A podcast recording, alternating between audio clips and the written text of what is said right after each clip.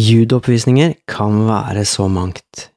Noen ganger så er det snakk om store og ekstremt nøyaktige koreograferte forestillinger der man viser avanserte teknikker. Eller det kan være mindre oppvisninger i begynnelsen av semesteret på et nybegynnerparti i judo.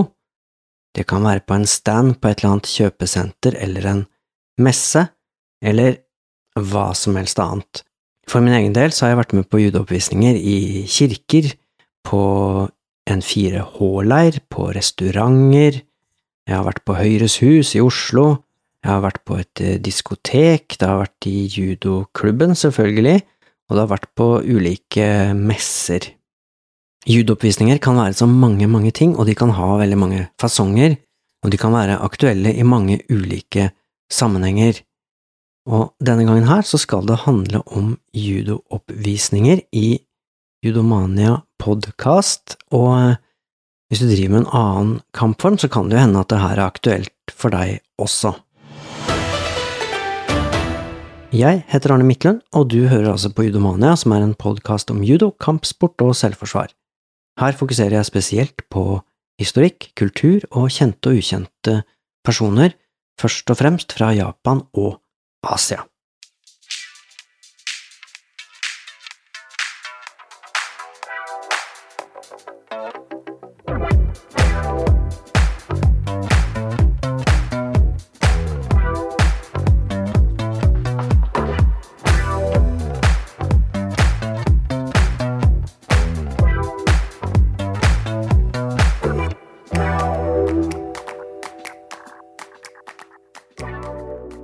De fleste av oss tenker nok på judooppvisninger som en slags eh, rekrutteringsverktøy for å hente inn nye utøvere til klubbene våre, eller som en slags eh, informasjonskanal der vi kan vise hva vi egentlig holder på med for nysgjerrige. I mange sammenhenger så er det nettopp det det er. Det er vi som driver med en kampform, som forbereder oss, og så reiser vi ut til et eller annet sted hvor det kommer nysgjerrige forbipasserende for å se hva det er vi driver med. I Japan så er det litt annerledes, og det skal jeg komme inn på nå. For det første, det er ikke uvanlig å tenke at kravene for å delta i demonstrasjoner og oppvisninger i Japan er skyhøye, at man må ha et enormt høyt teknisk nivå. Men ifølge kilder jeg har lest, riktignok i aikido-miljøet, så er det heller sånn at man velger ut entusiastiske utøvere som bryr seg om å trene, og som koser seg på trening. Du vil ha de mest ivrige utøverne, og ikke nødvendigvis de aller dyktigste.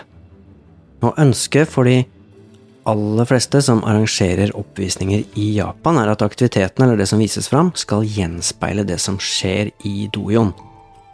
Men det er også en annen viktig forskjell mellom oppvisninger og demonstrasjoner i Japan og i den vestlige verden. I Japan arrangeres det først og fremst demonstrasjoner til ære for eller til minne om noen. Altså først og fremst til ære for eller til minne om noe eller noen.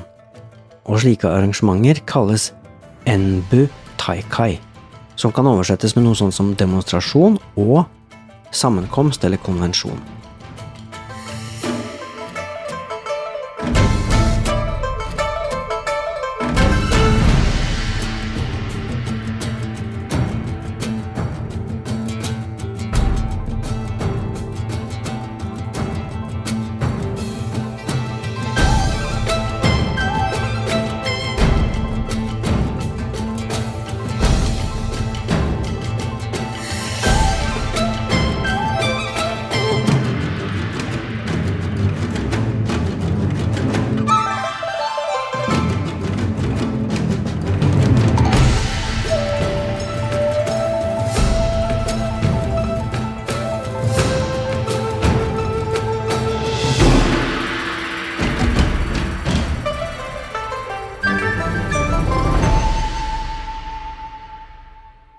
Kampformer har i Japan tradisjonelt vært forbundet med noe som er litt opphøyd og nærmest uh, hellig, og derfor var det mange demonstrasjoner i gamle dager som rett og slett ble holdt privat og til ære for ulike guder, og i noen sammenhenger for viktige personer. Så disse demonstrasjonene ble altså ikke holdt offentlig sånn som i våre dager, men de var i det private sfæren hjemme hos privatpersoner. Slike oppvisninger het opprinnelig hono enbu, som betyr at denne demonstrasjonen er gitt som en gave til gudene, en slags offergave. Det var faktisk ikke før judo ble utviklet at det ble vanlig med mer åpne demonstrasjoner av ulike kampformer, og i første omgang så var det gjerne prominente gjester som fikk se på oppvisningene, det kunne være ledere fra andre kampformskoler, militære ledere eller andre sentrale skikkelser i det japanske samfunnet. Og ganske ofte så var hensikten med denne typen oppvisninger rett og slett å sikre seg økonomisk støtte til å drive skolen videre, og allerede på denne tida så var man bevisst på hvilken målgruppe oppvisningene hadde. Det vil si at militære ledere for eksempel fikk se andre teknikker enn de som drev med skole og utdanning av barn og unge. Ganske ofte når jeg har eh, lest om oppvisninger i Japan, så vises det til Morihei Ueshiba, og Morihei Ueshiba er han som utviklet aikido, og Morihei Ueshiba levde samtidig som Igoro Kano, og disse to sentrale personene eh, møtte hverandre ved noen anledninger. Igoro Kano utviklet, som vi vet, judo, og eh, Morihei Ueshiba utviklet kort fortalt aikido som på mange måter ligner judo. Uansett så ble Morihei Ueshiba i 1941 invitert til den keiserlige dojoen, Sainan Kan, for å holde en oppvisning i aikido til ære for keiserfamilien. Aikido var fortsatt en ganske ny kampform, og keiseren var nysgjerrig på hva dette kunne se ut som hvis selveste Ueshiba, utvikleren, O-sensei, demonstrerte teknikkene men Ueshiba nektet med følgende begrunnelse. Jeg kan ikke vise keiseren uærlige teknikker. I aikido dreper vi motstanderen med ett eneste slag. Det er en falsk teknikk hvis motstanderen kastes i bakken, for så på behagelig vis å reise seg igjen, og attpåtil angripe på nytt. Når det er sagt, kan jeg heller ikke gå rundt og ta livet av studentene mine. Morihei Ueshiba nektet altså å presentere en løgn overfor keiseren. Keiseren svarte at han virkelig ønsket å se denne løgnen utspille seg, og Ueshiba gikk etter hvert med på å vise teknikkene sine, uten å ta livet av noen.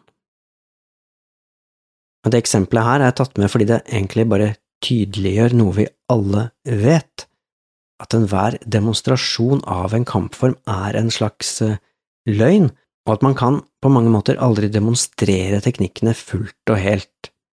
En oppvisning i kampformer er nødt for å være en slags avtale mellom de som utfører teknikkene, og publikum, om at vi viser teknikkene på den måten som er forsvarlig, men som samtidig gir en god representasjon av hva for eksempel judo går ut på, eller aikido, som i det tilfellet jeg nettopp fortalte om.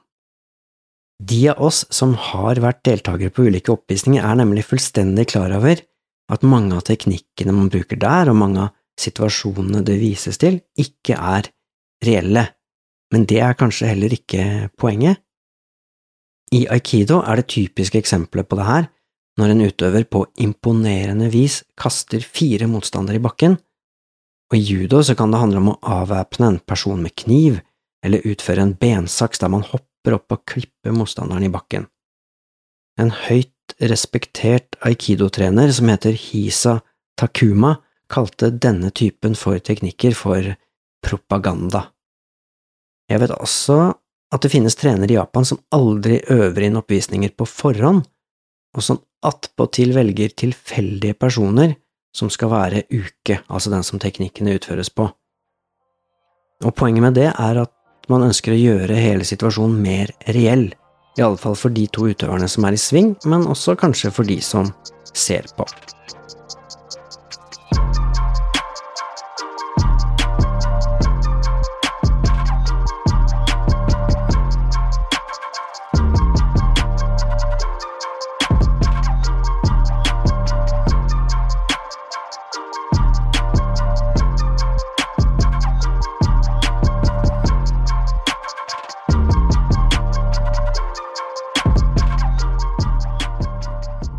Hvordan skal du gå fram hvis du ønsker å lage en god judodemonstrasjon? Her er det fem tips. 1. Bruk store teknikker. Gå rett på sak. Det er ikke noe poeng å vise oppvarming og ruller og sånt. Kjør på med luftige kast, armbønn, kvelinger og holdegrep. 2. Bruk publikum. Hva er vel bedre enn å la en fra publikum kaste noen med et svart belte i bakken? Og hvis du har en øvelse eller to som kan utføres av et barn i tillegg, så er det helt strålende. 3. Snakk minst mulig. Noen ganger kan det være greit med noen korte forklaringer, kanskje litt historikk og typiske kjennetegn og positive faktorer og sånn, men si lite, si det høyt, tydelig og enkelt. 4. Unngå sammenligninger. Snakk om det du kan noe om, altså judo, hvis det er det du driver med. Ikke prøv deg på detaljerte sammenligninger av judo og andre kampformer som du kanskje så vidt vet hva dreier seg om. Og her vil jeg gjerne legge til, ikke gjør det uansett, fordi det å snakke negativt om andre kampformer er aldri bra, og det vil bare slå negativt ut uansett. 5. Sørg for at teknikkene ser realistiske ut. Bruk de beste og mest erfarne utøverne i klubben når farlige eller avanserte teknikker skal demonstreres, og i judo, som jeg har vært inne på, så er det selvsagt et viktig poeng at små barn kan klare å kaste store, skjeggete menn i bakken, men det trenger ikke være hovedelementet i oppvisningen, og de fleste tror ikke på det uansett. Det var fem tips. Vil du ha flere tips, så kan du gjerne sjekke notatene til denne episoden, så finner du en link med ti tips til deg som skal arrangere en judo-oppvisning der. Avslutningsvis så kan jeg jo bare si det at hvis man i Japan i gode gamle dager så på dette her med oppvisninger som en gave til gudene, så kan man jo kanskje tenke på den moderne oppvisningen som en gave til publikum, sånn at man ser på den på en måte som eh, handler om hva kan jeg gi publikum, i stedet for for eksempel å brife med eller demonstrere hvor flink man selv er. Og i en sånn oppvisning så kan alle, selv en nybegynner, ha noe å bidra med i tillegg så kan man jo legge til at det å overdrive eller vise noe helt annet enn det man gjør på trening, er jo å holde publikum for narr. Et eksempel på overdrivelser kan jo være når man på en judooppvisning legger altfor stor vekt på selvforsvarselementer, fordi at man trener jo ikke på selvforsvar på en vanlig judotrening, da trener man på konkurranse og teknikker og fallteknikk og andre ting. Hvis du er ute etter tips eller litt inspirasjon, så har jeg lagt ut eh, syv-åtte videoer på nettsidene. Bare gå inn på judomania.no, så finner du mye bra greier der. Har du erfaring med oppvisninger i judo eller andre kampformer? Hvorfor ikke dele tipsene dine med flere? Kom gjerne med ditt beste tips, så legger jeg det ut på nettsidene. Du velger selv om du vil ha navnet ditt på trykk, og jeg legger aldri ut noe som helst uten å spørre deg om lov. Send gjerne en lydmelding via nettsidene judomania.no podkast. Jeg har rigga et skikkelig bra opplegg for nettopp det, så test det gjerne ut. Det var alt for denne gangen. Takk for at du hørte på. Ha det bra.